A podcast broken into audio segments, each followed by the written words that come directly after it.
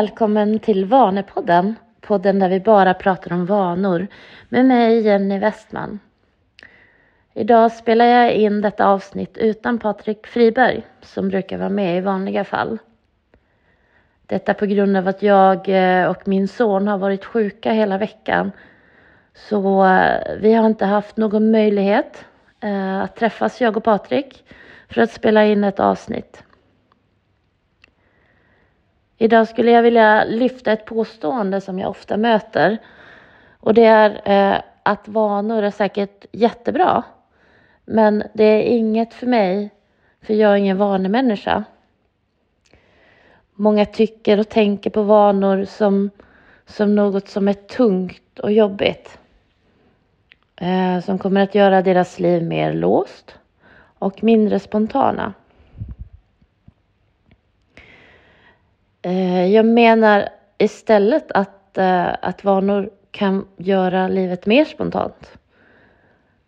Då du får gjort alla de här måstena på ett snabbare sätt och på ett mer effektivt sätt så får man också mer tid för att vara just spontan. Vanor, de kan användas till att få, få till det där roliga som man alltid har velat göra men som man eh, ofta måste prioritera bort på grund av just alla de här måstena som många gånger blir liksom släpande och de hamnar på hög, det där tvättberget som man skjuter hela veckan och så måste man ta tag i det på lördagen.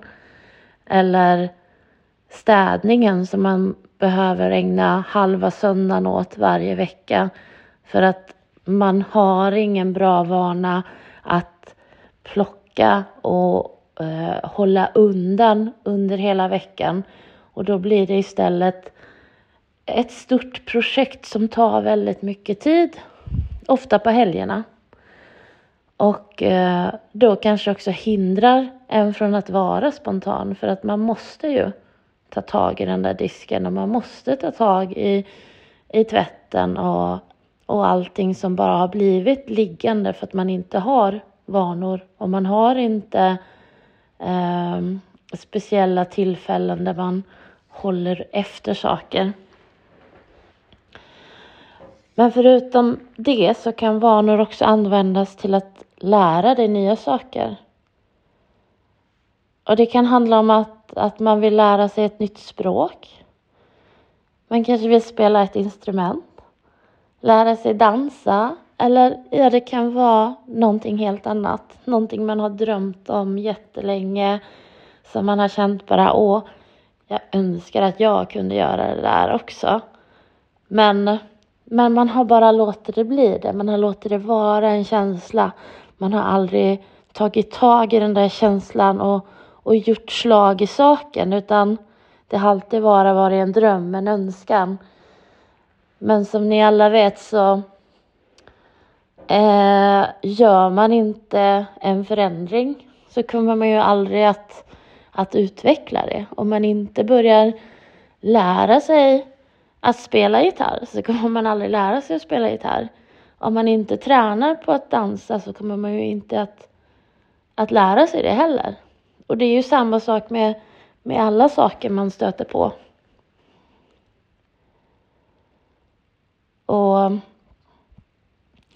våra, våra hjärnor är ju uppbyggda eh, att hela tiden försöka förenkla och automatisera saker och ting för att spara energi. Och det är just därför som vi, vi bildar vanor och är eh, vanemänniskor egentligen. För vi alla skapar vanemönster som vi kan utföra med minimal ansträngning. Och ju mer vi utför vanan, ju mindre energi och uppmärksamhet och tankekraft kostar det oss. Eh, man kan ju aldrig egentligen säga att man inte, att man inte är en vanemänniska för att alla har vanor. Även de som upplever sig eh, att de inte har några vanor så har de faktiskt det. De här vanorna är ju beteenden som finns i våran, i våran vardag och som bara sker utan att vi egentligen tänker på det. Och de finns bara där. De har funnits kanske sedan man var liten eller de har kommit till de senaste åren. Men de finns där och, de, och vi reflekterar ju egentligen inte över vilken funktion de fyller i våra liv. Men det som är väldigt intressant med just vanebildning är ju att alla beteenden som vi utför, alla beteenden som vi har i vårt liv kan vi förändra genom medveten ansträngning. Och vad, vad menar jag med medveten ansträngning? Ja, det är ju egentligen så att, att du medvetet jobbar med att förändra någonting i ditt liv. Och det kan ju vara någonting som befin- finns redan befintligt i ditt liv eller någonting som du vill ha in i ditt liv. Um, och uh, var ska man börja? Och det finns egentligen ingen, ingen självklart liksom vana som man ska starta med. Jag skulle i alla fall kanske rekommendera att du startar med en ganska enkel vana bara för att lära dig vaneprocessen. Hur funkar den här vanebildningen? Så en, en enkel vana som inte är liksom jobbig och betungande. Jag skulle också rekommendera dig att du ska hitta en vana som, som är enkel men också som är rolig. Eh, för att det ger ju så mycket i ditt liv.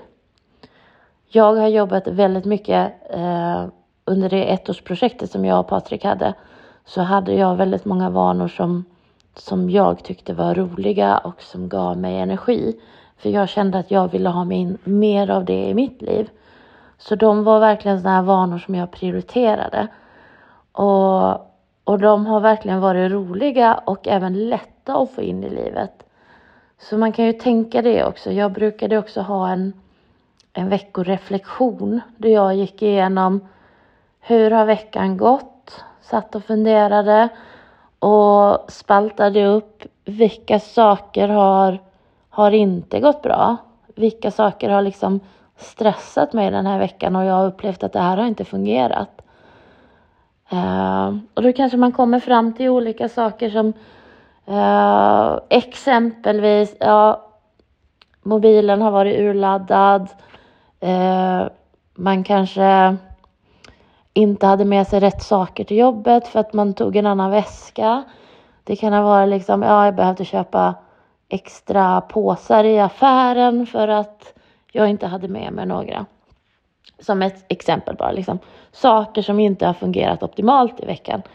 Eh, det kan också vara liksom, ja, man har haft en diskussion med sina barn om kläder på morgonen.